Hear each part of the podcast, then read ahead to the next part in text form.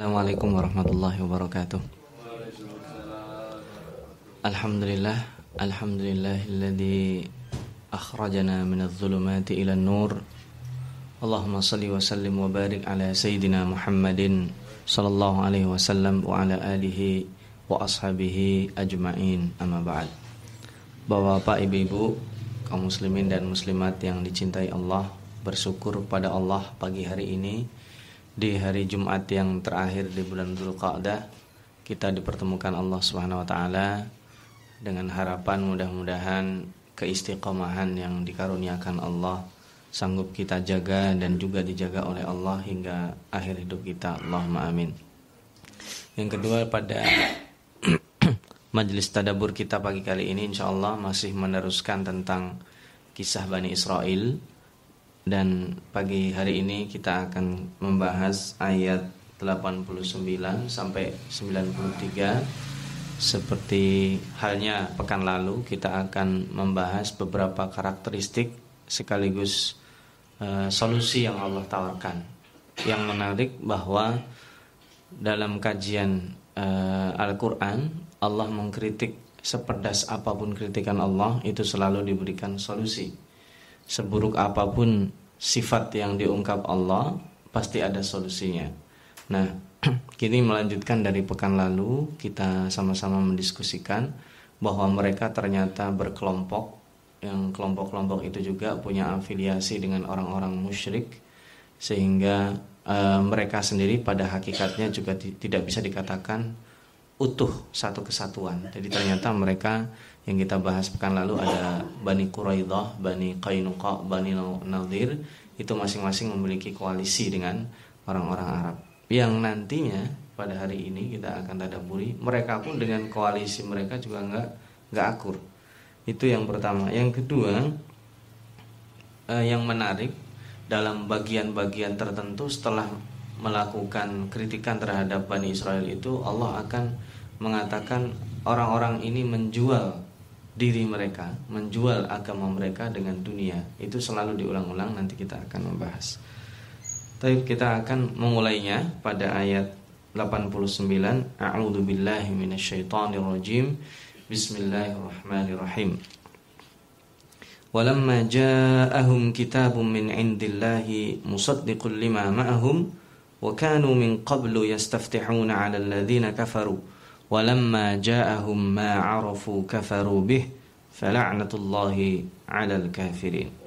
Ini sangkutannya adalah dengan Al-Qur'an.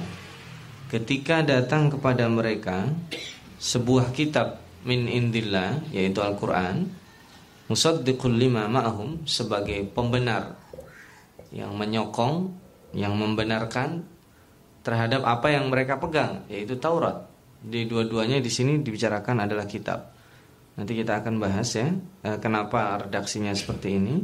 Wa kanu min qablu padahal mereka sebelum datangnya Al-Qur'an atau sebelum Nabi Muhammad diutus kanu mereka yastaftihun. Ini bahasanya juga menarik. Yastaftihun. Yastaftihun itu artinya yastansirun. Mereka eh, kalau bahasa kita apa ya? Itu bertafaul mengambil optimisme dari Nabi Muhammad SAW. Jadi ceritanya begini, Bani Quraidah, Bani Qainuqa, Bani Nadir yang masing-masing ini punya koalisi dengan suku-suku yang ada di Madinah. Mereka ketika berperang dengan mereka, bersama mereka, di belakang mereka, itu statusnya sebagai follower. Nah, jadi sebagai orang yang bukan orang pribumi, Ketika orang pribumi bersengketa, mereka hanya tukang kipas. Mereka hanya penggembira. Nah, status seperti itu tuh nggak enak buat mereka. Nah, suatu ketika mereka tidak ada kes, uh, tidak ada kecocokan dengan orang-orang itu, baik Aus ataupun Khazraj yang pekan lalu kita tadaburi ya. Dua or, dua suku besar ini berseteru sehingga mengakibatkan Bani Qainuqa, Bani Quraidah dan Bani Nadir itu juga berseteru sesama mereka tetapi status mereka bukan e, inti orang yang berseteru. Mereka ngikut saja.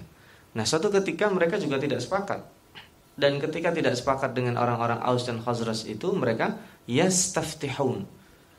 Jadi mereka bilang seperti ini, redaksinya banyak ya. Kita bisa membaca di tafsir Ibnu Katsir, tafsir At-Tabari, di buku-buku tafsir yang uh, banyak bisa kita temukan. Intinya uh, Al-Fakir Ankum bahwa mereka mengatakan ya Allah demi Muhammad yang engkau utus. Jadi nama Muhammad itu sudah ada di di dalam Taurat. Demi Muhammad yang namanya sudah ada dalam buku kami ya Allah, utuslah dia.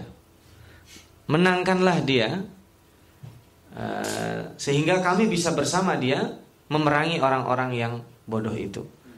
Jadi intinya mereka itu ingin berjumpa dengan Nabi Muhammad.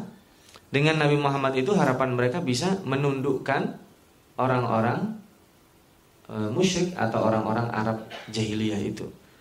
Jadi sebenarnya mereka yastaftih. Yastaftih itu e, berharap bahwa karena sifat Nabi Muhammad, namanya secara jelas, karakteristiknya itu sangat gamblang ada di dalam Taurat.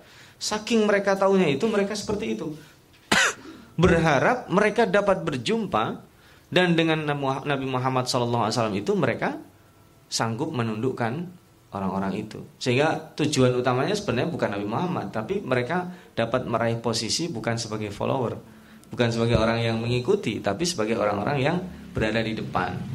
Nah, tapi mereka sesungguhnya tidak tahu siapa itu Nabi Muhammad nantinya.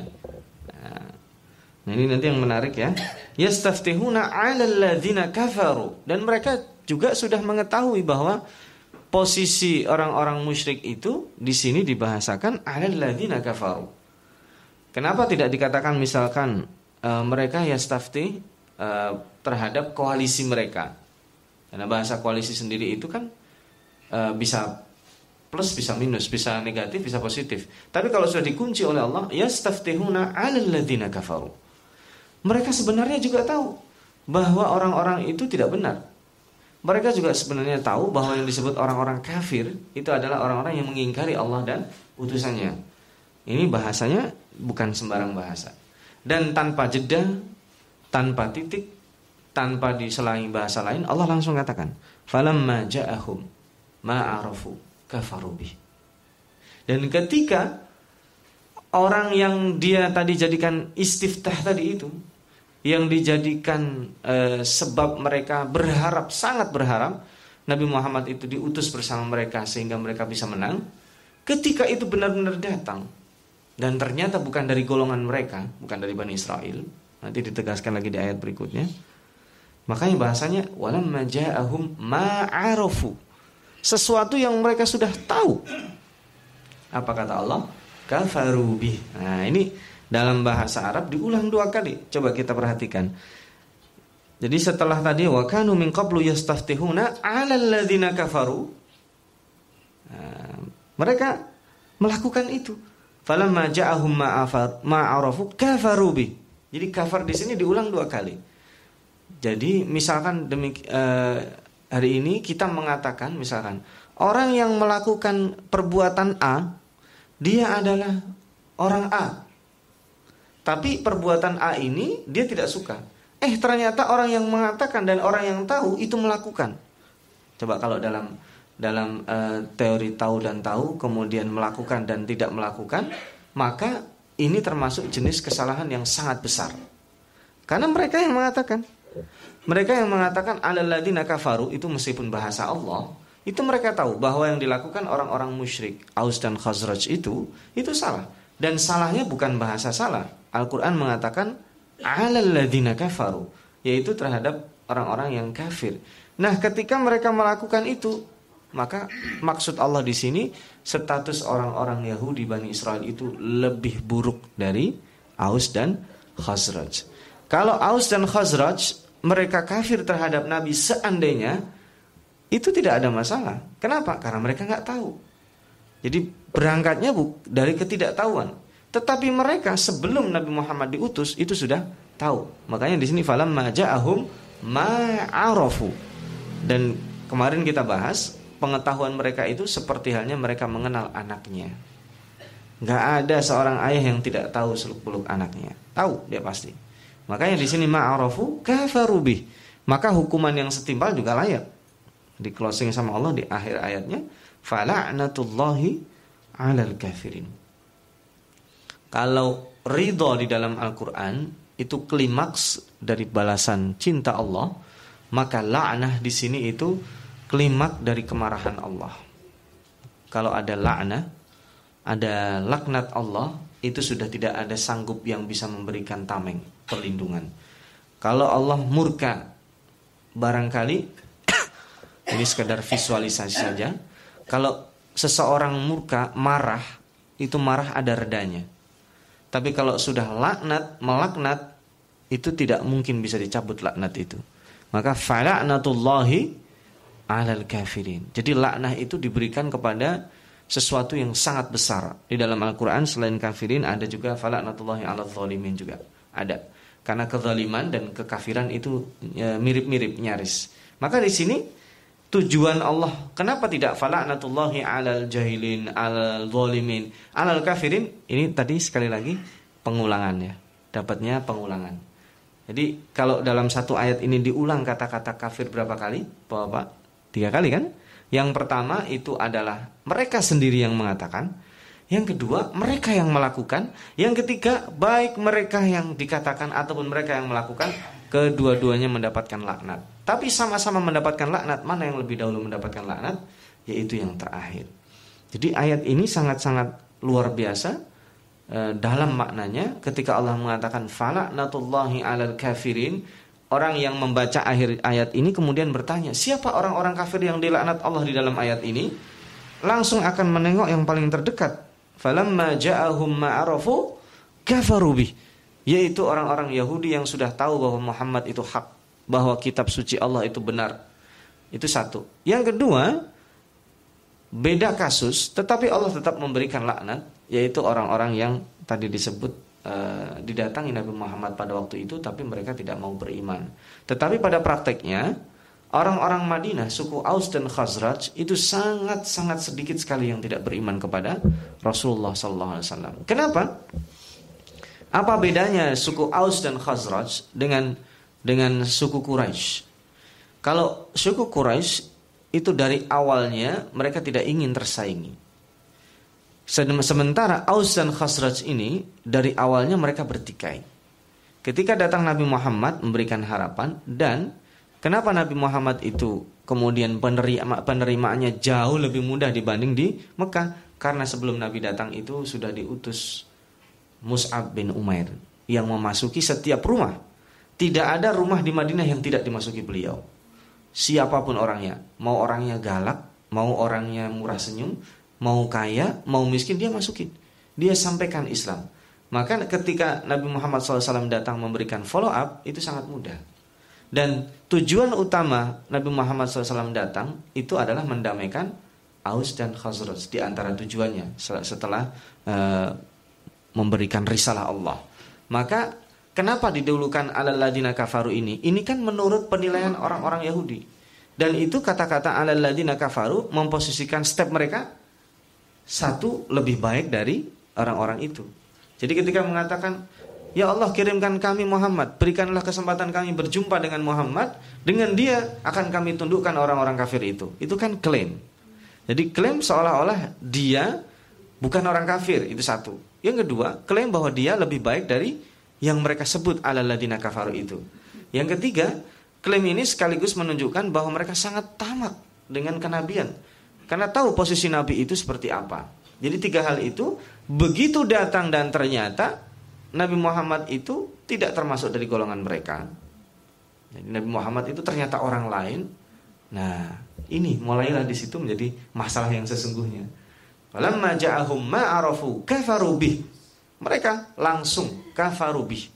Jadi di sini tidak ada jeda sama sekali, maka Allah langsung menghukum fala natullahi alal kafirin. Itu yang menarik diulang kata-kata kafir dalam satu ayat tiga kali. Itu sama dengan kata-kata al-mizan atau al-waznu dalam surat ar-Rahman dalam beberapa ayat langsung diulang empat kali. Berarti ada satu fenomena yang menarik. Jadi bahwa di sini fenomena kekafiran fenomena pengingkaran terhadap dakwah Nabi Muhammad SAW itu bukan sesuatu yang baru. Bahkan orang yang mengetahuinya pun akan mengingkarinya. Maka jangan heran nanti suatu ketika kita tahu itu benar tapi kita tidak melakukan. Kita tahu itu salah tapi kita melakukan, tapi hukumannya berat. falaknatullahi alal kafirin. Nah, ini yang terjadi. Jadi sebenarnya yang kita lihat fenomena masyarakat itu bukan seseorang ini tahu dan tidak tahu, tapi seseorang ini mau atau tidak. Jadi permasalahannya begini, kalau dakwah Islam itu dia sampai atau tidak dakwah Islam itu betul. Tetapi yang urgen itu adalah dia tahu dan tidak, kemudian dia mau melakukan. Karena sebenarnya itulah yang disebut sesungguhnya jahiliyah. Jahiliyah itu tidak dimaksudkan adalah dia tahu dan tidak, tetapi mau dan tidak. Karena orang-orang kafir di zaman Nabi Muhammad SAW sebelum beliau hijrah itu bukan orang-orang bodoh. Jadi kata-kata jahiliyah, saya termasuk orang yang tidak sepakat bahwa orang-orang e, kafir Quraisy itu termasuk orang yang bodoh. Bahkan meskipun mereka tidak bisa baca dan tidak bisa tulis, tidak bodoh. Sebagian mereka, mohon maaf, ketika tawaf tidak memakai baju sama sekali, itu alasannya sangat rasional. Kenapa? Karena baju yang kami pakai itu penuh dosa. Maka pada saat kami tawaf, kami tidak mau memakai baju itu. Itu kan sangat rasional. Berarti mereka bisa memikir, meskipun itu salah.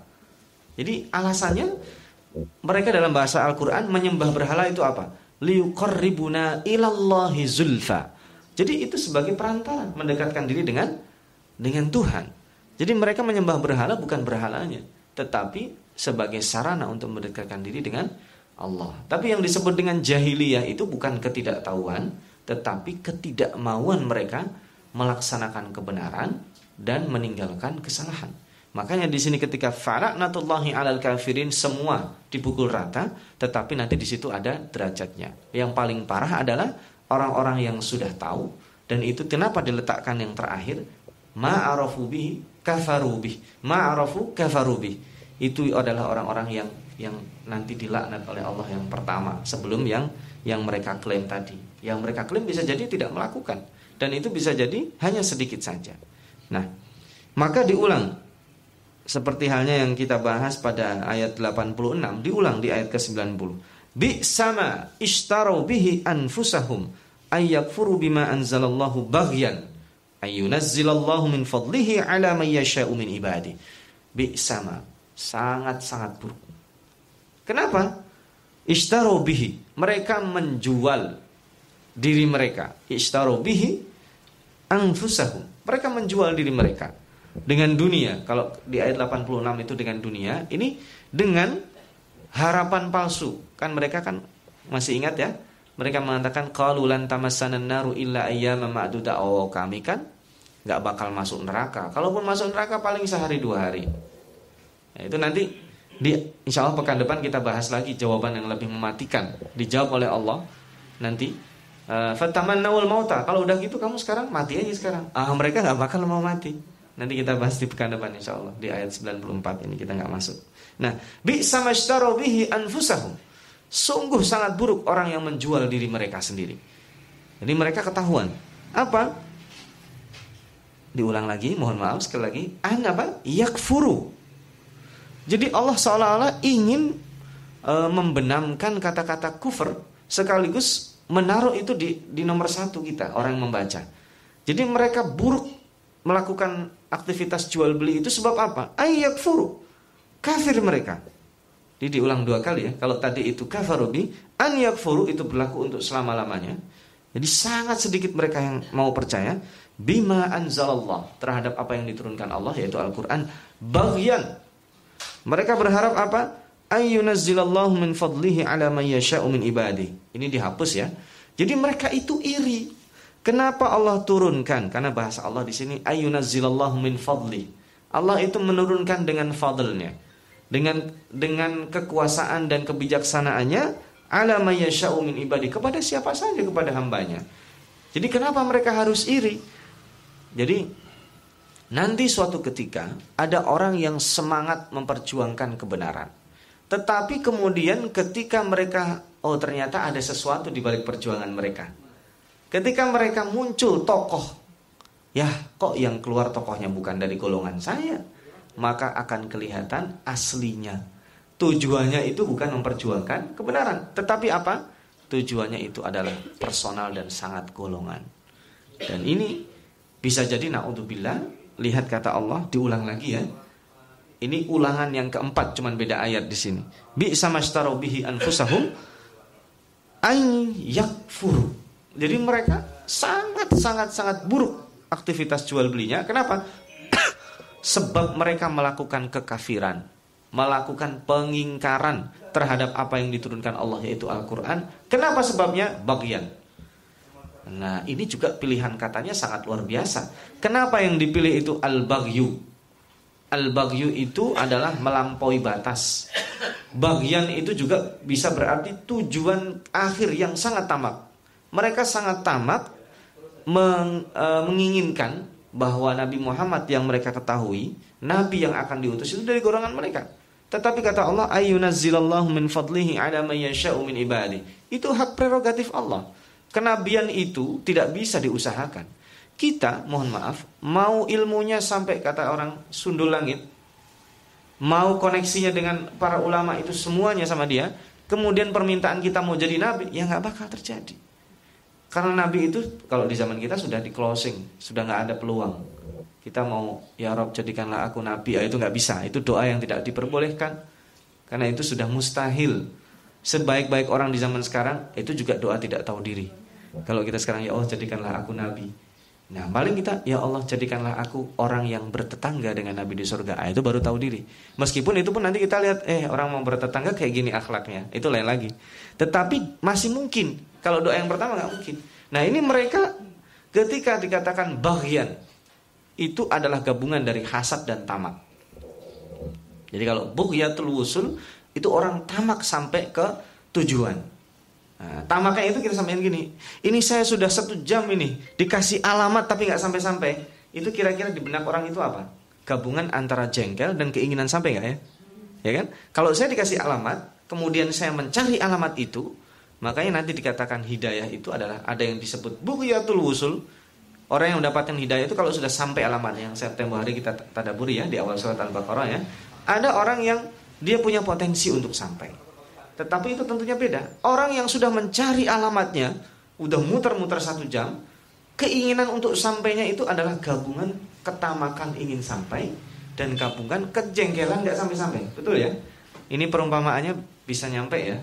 Jadi orang yang sudah lama cari alamat itu plus dengan keinginan sampai ke alamat yang dia tuju, itulah disebut dengan bagian. Kira-kira seperti itu. Jadi kok bisa yang dipilih bukan dari kita? Kurang apa sih baiknya kita? Itu kata-katanya. Kok bisa Muhammad? Ya, ini kan orang yang tadi kita tuduh termasuk orang-orang kafir, orang Arab juga kan judulnya kan. Nah, jadi gabungan antara tamak dan hasad ini menghasilkan itu. Dan Allah meletakkan kata-kata yang meredam di belakangnya. Ayyunazzilallahu min fadlihi ala mayyasha'u min ibadi. Itu kunci. Dalam bahasa uh, surat Ali Imran itu kan uh, Qulillahumma malikal mulki tu'til mulka man tasha wa tanzi'ul mulka mimman tasha wa tu'izzu man tasha wa tudhillu man tasha biyadikal khair. Itu semua hak prerogatif Allah. Allah yang mengutus Nabi Muhammad sama juga yang mengutus Musa. Kenapa yang dipilih Musa? Kenapa yang dipilih anak angkatnya Fir'aun? Allah punya keinginan. Kenapa yang dipilih itu Muhammad dan bukan dari golongan kalian? Ada keinginan. Karena nanti akan di di di, di sini apa? Di istidraj akan diungkap keburukan-keburukan mereka. Maka balasannya kalau tadi lakna ini lebih dahsyat lagi. Faba'u bi ghadabin ala ghadab. Walil kafirin adzabun muhin. Jadi di ayat pertama kafir itu diulang tiga kali, di ayat kedua kita bahas diulang berapa kali? Dua kali. Jadi closingnya selalu gini. Maka Allah memberikan bisyar, memberikan kabar buruk bagi mereka. Faba'u bi ghadabin ala ghadab itu artinya maka mereka duduk seperti duduknya kita. Kita visualisasikan. Faba'u bi ghadabin ala ghadab, mereka duduk seperti duduknya kita. Ala ghadab. Coba bahasanya adalah ghadab ala ghadab. Murka di atas murka. Jadi faba'u bi ghadabin ala ghadab, mereka duduk di atas murka, di atas murka. Jadi kalau ibarat marahnya itu bahasa kita sampai ke ubun-ubun ya. Jadi harusnya kan cukup wabah ubi ghadabim minallah. Itu cukup. Karena marahnya Allah itu kan levelnya di bawah lakna ya. Tapi dengan Allah katakan faba ubi ghadabin ala ghadab. Dan kemarahan itu setiap kita rata-rata pernah marah ya. Kemarahan paling dahsyat itu kemarahan yang kapan? Kemarahan yang pertama kali kita lampiaskan itu paling dahsyat. Setelah itu dia makin menyusut, makin menyusut dan makin menyesal orang itu ketika marah. Apalagi ketika marah dia melakukan pelampiasan, mukul, mecahin. Kalau yang naudzubillah dia main fisik, nampar, itu jangan sampai. Kalau pelampiasannya ke benda-benda mati tidak ada masalah. Tetapi itu masih nggak ngeri. Ghadabin ala ghadab itu kalau orang ini yang marah ada tukang marah. Mohon maaf ya. Kan ada nih orang kalem kemudian dia marah, ngeri nggak kita ngeliat? Orang yang kelihatannya dia kalem, senyum, nggak pernah marah. Tahu-tahu marah, ngeri nggak? Ngeri. Karena wah ini orang nggak pernah marah, ternyata bisa marah juga, ngeri. Tetapi kalau yang marah itu tukang marah, ngeri nggak kita? Mungkin kita biasa, tapi kata-kata ala godok, uh, dia itu kalau marah biasanya cuma ngata-ngatain doang. Ini dia sampai mukul-mukul, ngeluarin sesuatu. Itu berarti godok ala godok. Nah itu gabungan antara keduanya.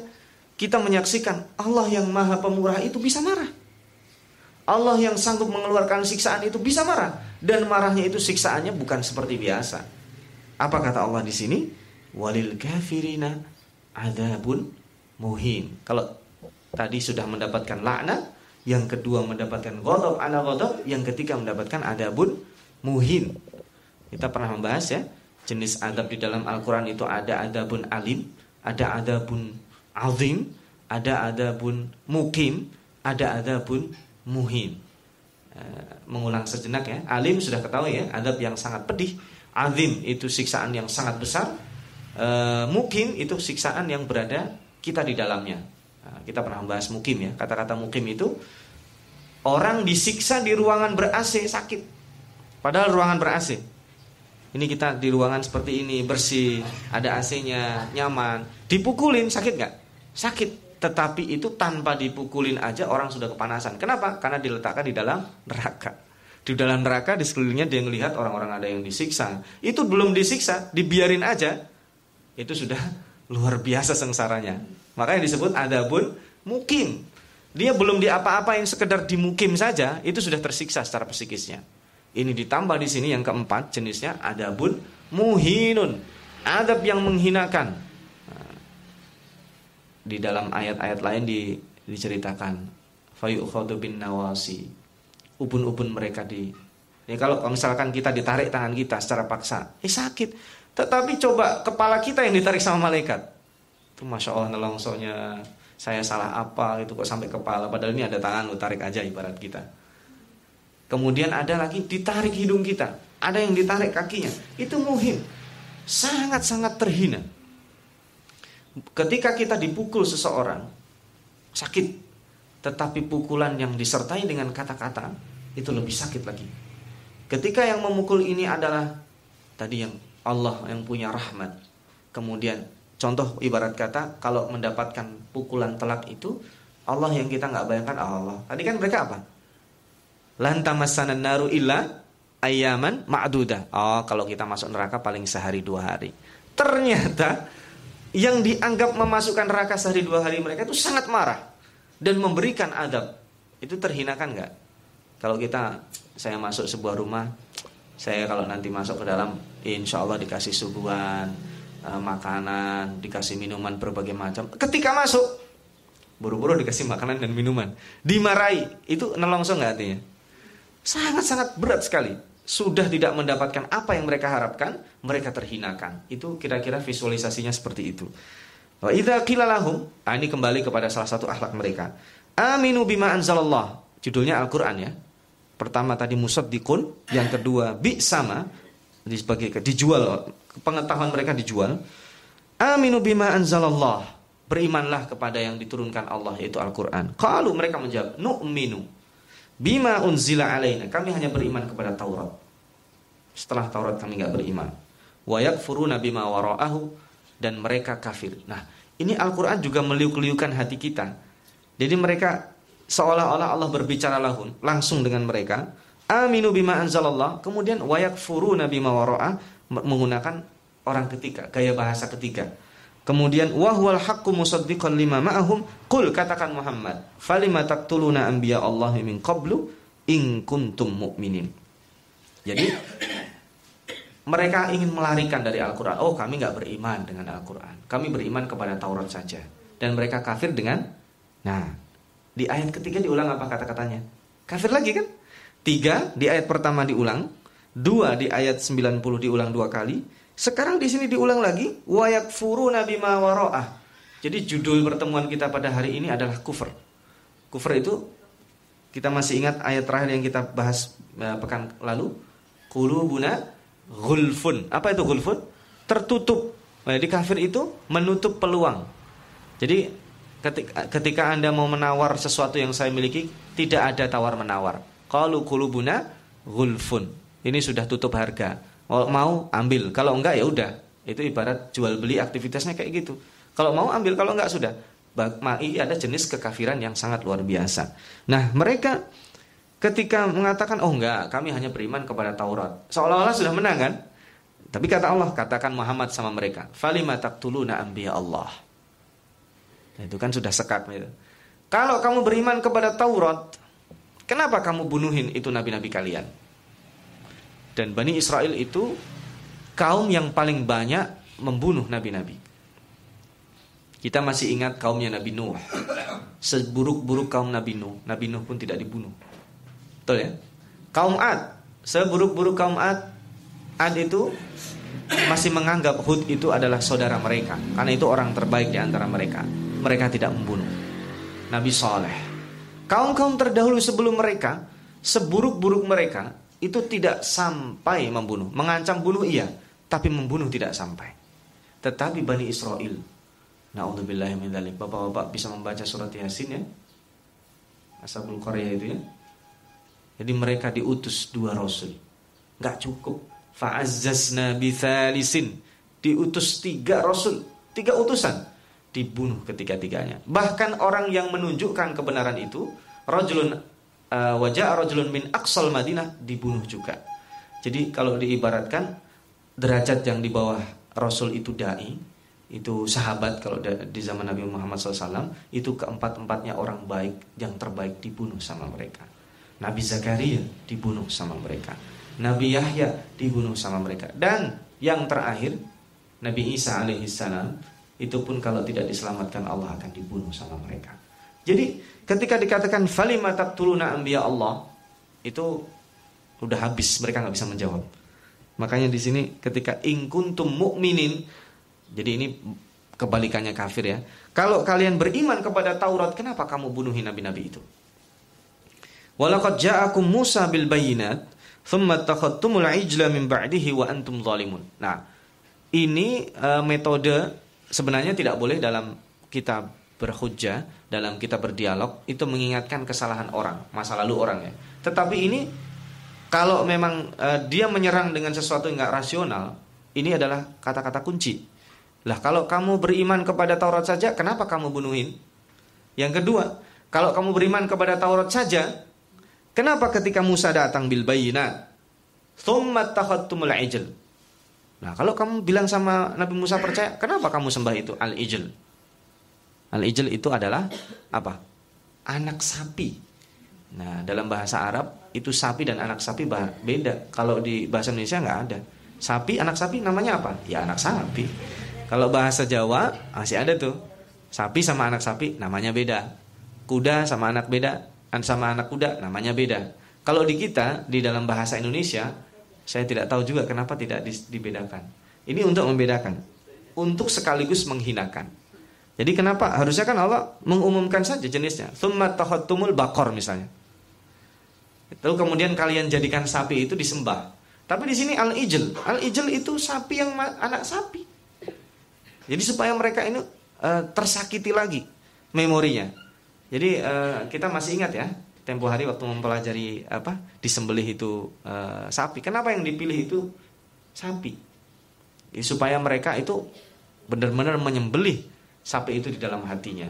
Karena nanti ini luar biasa. Min ba'dihi wa antum zalimun. Nanti di ayat berikutnya ya. Kenapa kamu ambil sapi itu disembelih? Kemudian kalian menjadi orang zalim setelahnya. Nah itu dua ya. Yang pertama kamu ngaku beriman tapi bunuhin Rasul, ngaku beriman kepada Musa, tapi ketika Musa datang, tapi kenapa? kamu kemudian menyembah sapi, anak sapi maaf, bukan sapi di sini. Al ijl itu anak sapi. Ijlan jasadan lahu khuar. Dan Al-Qur'an secara detil sapi yang berbunyi. Nah, kalau kucing meong, kambing mengembek, khuar itu bunyi sapi. Nah, ini nggak bisa di bahasa Indonesia kan.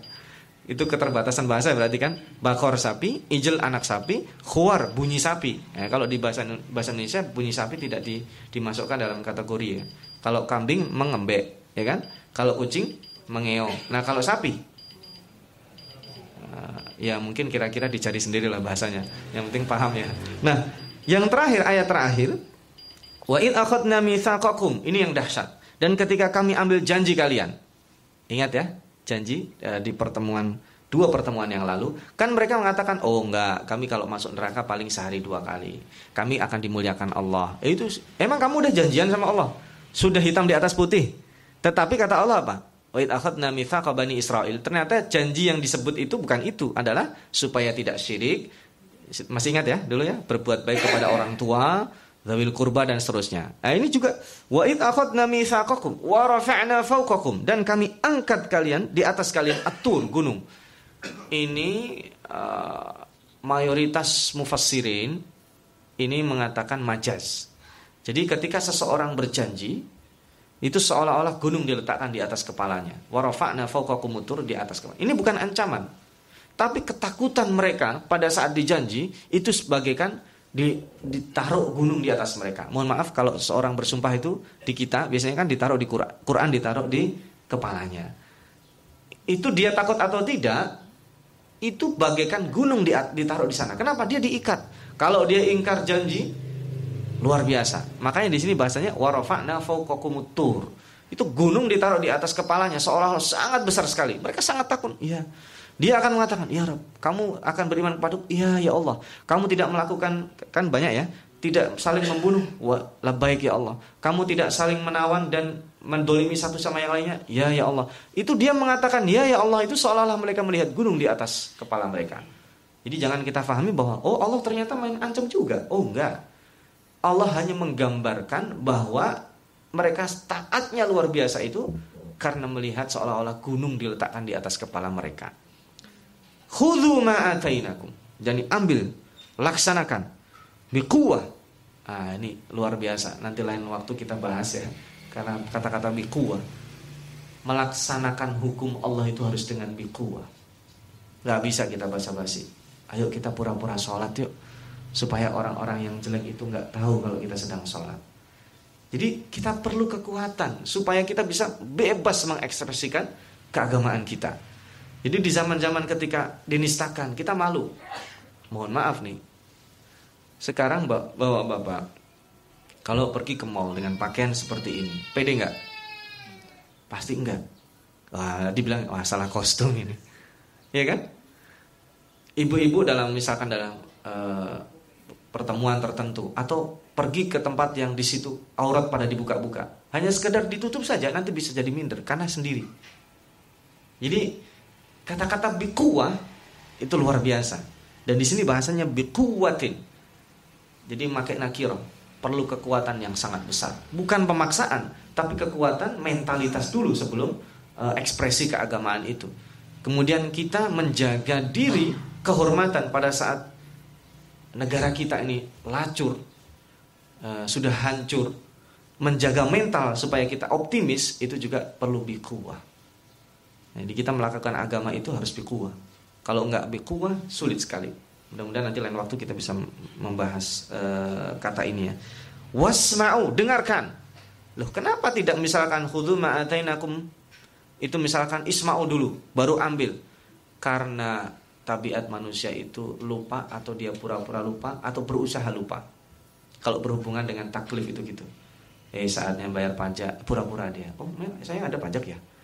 Eh, saatnya melakukan kewajiban maka harus ada azan ada pengingat karena wasma'u itu bukan sekedar mendengar lihat kata mereka ini juga untuk menghinakan mereka kalau sami'na kenapa mendengar itu yang pertama dengan yang berdua berbeda. Kalau sami'na kami mendengar kok tapi wa asoina tapi kami nggak melakukan. Nah itu buruk gitu. Seburuk-buruk orang dia mendengar tapi tidak melakukan. Pasti menyesal itu. Ya kami dikumpulkan ujung-ujungnya disuruh begini kemudian nggak taat. Ah itu tidak punya alasan dia. Dia pasti mendingan saya nggak dengar sekalian. Jadi ini ciri-cirinya orang yang sudah lemah secara mental. Karena harusnya mereka ketika sudah mendengar sampai kepada mereka dakwah itu kan ini kembali kepada pertemuan yang tadi yang pertama kali kita bahas ya kok yang diutus Muhammad bukan dari golongan kita nah ketika mereka mengingkari itu buruk sekali kenapa sudah sampai kan mereka sudah mendengar belum Nabi Muhammad itu akan diutus di akhir zaman? Sudah tahu. Dan ketika mereka seperti itu, mereka tidak melakukan. Dan sebelum Nabi Muhammad dulu pada saat Musa mereka melakukan yang sama. Nah, ini ada satu yang mungkin mudah-mudahan cukup saya bahas. Wa usyribu fi qulubihimul ijla bi kufrihim. Ini ada riwayat Israiliyat sangat banyak, tetapi Israiliyat ini tanpa komentar dari Bani eh, dari Ibnu Katsir, At-Tabari, dan buku-buku tafsir yang lainnya termasuk uh, buku-buku tafsir kontemporer memuat cerita ini. Jadi pada saat mereka menyembah, menyembah Al-Ijl tadi itu, anak sapi, Musa pulang itu kan marah sekali kan. Setelah itu taubatnya kan mereka disuruh membunuh ya. Oh enggak, saya enggak ikut-ikutan. Nah, Nabi Musa kan ingin tahu supaya mereka tahu mana yang nyembah, mana yang tidak. Akhirnya mereka semua dibawa ke laut. Kemudian disuruh minum air laut satu teguk.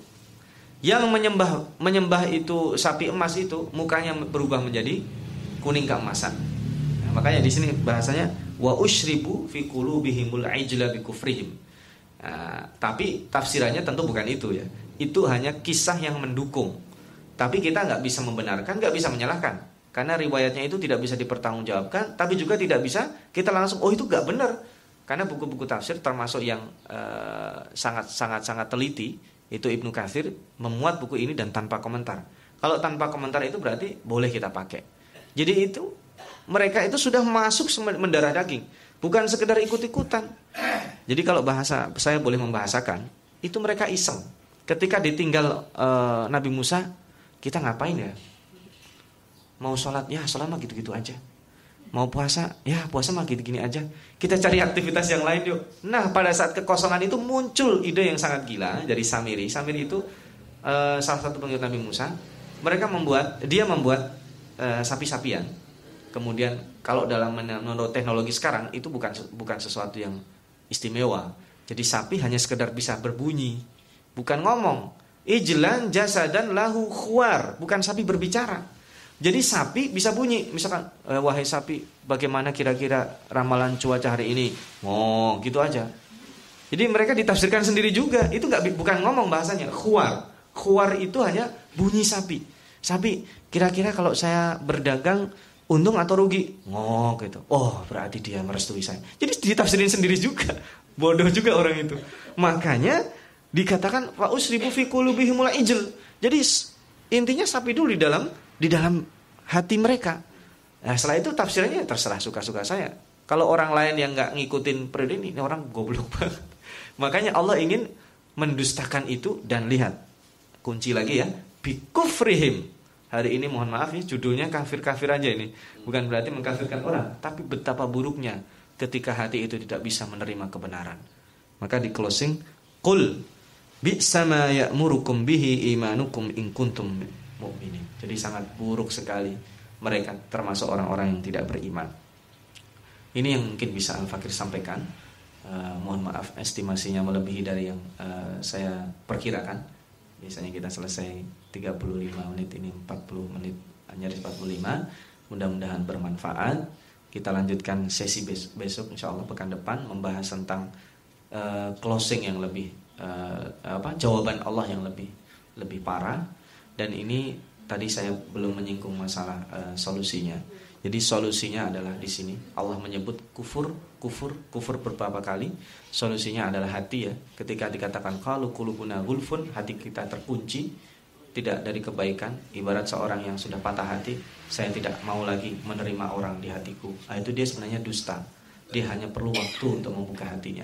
Sama juga dengan kita, ketika kita iri dengan seseorang, lah kok yang membawa kebaikan dia? Ya kan ada ya. Kalau yang ceramah dia, ah saya enggak lah, karena dia mungkin punya masa lalu dengan orang itu. Harusnya tidak demikian. Bukalah pelan-pelan, lihat hatinya, lihat perkataannya. Maka solusi dari yang tadi ini kalau kita punya kekerasan hati, berarti yang kita lembutkan bukan materinya. Karena materi ada di buku, ada di mana-mana, ada kebaikan, tetapi yang menerima kebaikan itu adalah hati. Maka solusinya adalah kita perlu membersihkan hati kita. Nah, wabil khusus kita menyambut uh, bulan uh, Dhul Hijjah ya. 10 hari pertama itu hari yang sangat luar biasa. Insya Allah kalau tidak ada perubahan hari Ahad memulai, memulai satu Dhul Hijjah. Kalau kita sanggup berpuasa 1 sampai 9 itu lebih bagus. Baca Al-Quran dan berzikir kata Nabi Muhammad SAW amal di hari itu bahkan mengalahkan jihad sekalipun. Sampai jihad wahai Rasulullah? Iya, kecuali mereka yang berjihad tidak pulang kecuali namanya. Kalau saya tafsirkan dengan bahasa kita. Artinya orang berjihad meninggal itu baru mengalahkan ibadah kita di 10 pertama di bulan Dzulhijjah. Mudah-mudahan dengan kajian singkat ini eh, tentu yang berhubungan dengan tema hati kita dijaga sekali lagi oleh Allah Subhanahu wa taala agar jangan sampai tertutup menerima kebenaran. Juga kita berdoa mudah-mudahan yang uh, kita lakukan dan kita sampaikan ini bisa sebanyak mungkin uh, direkayasa sehingga kebaikan itu menjadi mudah sehingga kita bisa melaksanakan ekspresi keagamaan kita bikuwah dengan kekuatan nggak perlu kita tahan-tahan kita bisa ekspresi sangat luar biasa. Nggak perlu kita zaman dulu kan ada istilah mau takbir Allah Akbar aja sambil batuk ya kan? Saya masih mendengar zaman-zaman uh, susah ditekan Allah Akbar ya seperti itu. Jadi kita tidak menginginkan ekspresi keagamaan kita itu tertekan Mudah-mudahan Allah berikan jalan kebaikan bagi kita semua. Allahumma amin. Ini yang bisa Al-Fakir sampaikan. Nanti jika ada beberapa yang bisa ditanyakan atau kita diskusikan, kita tutup.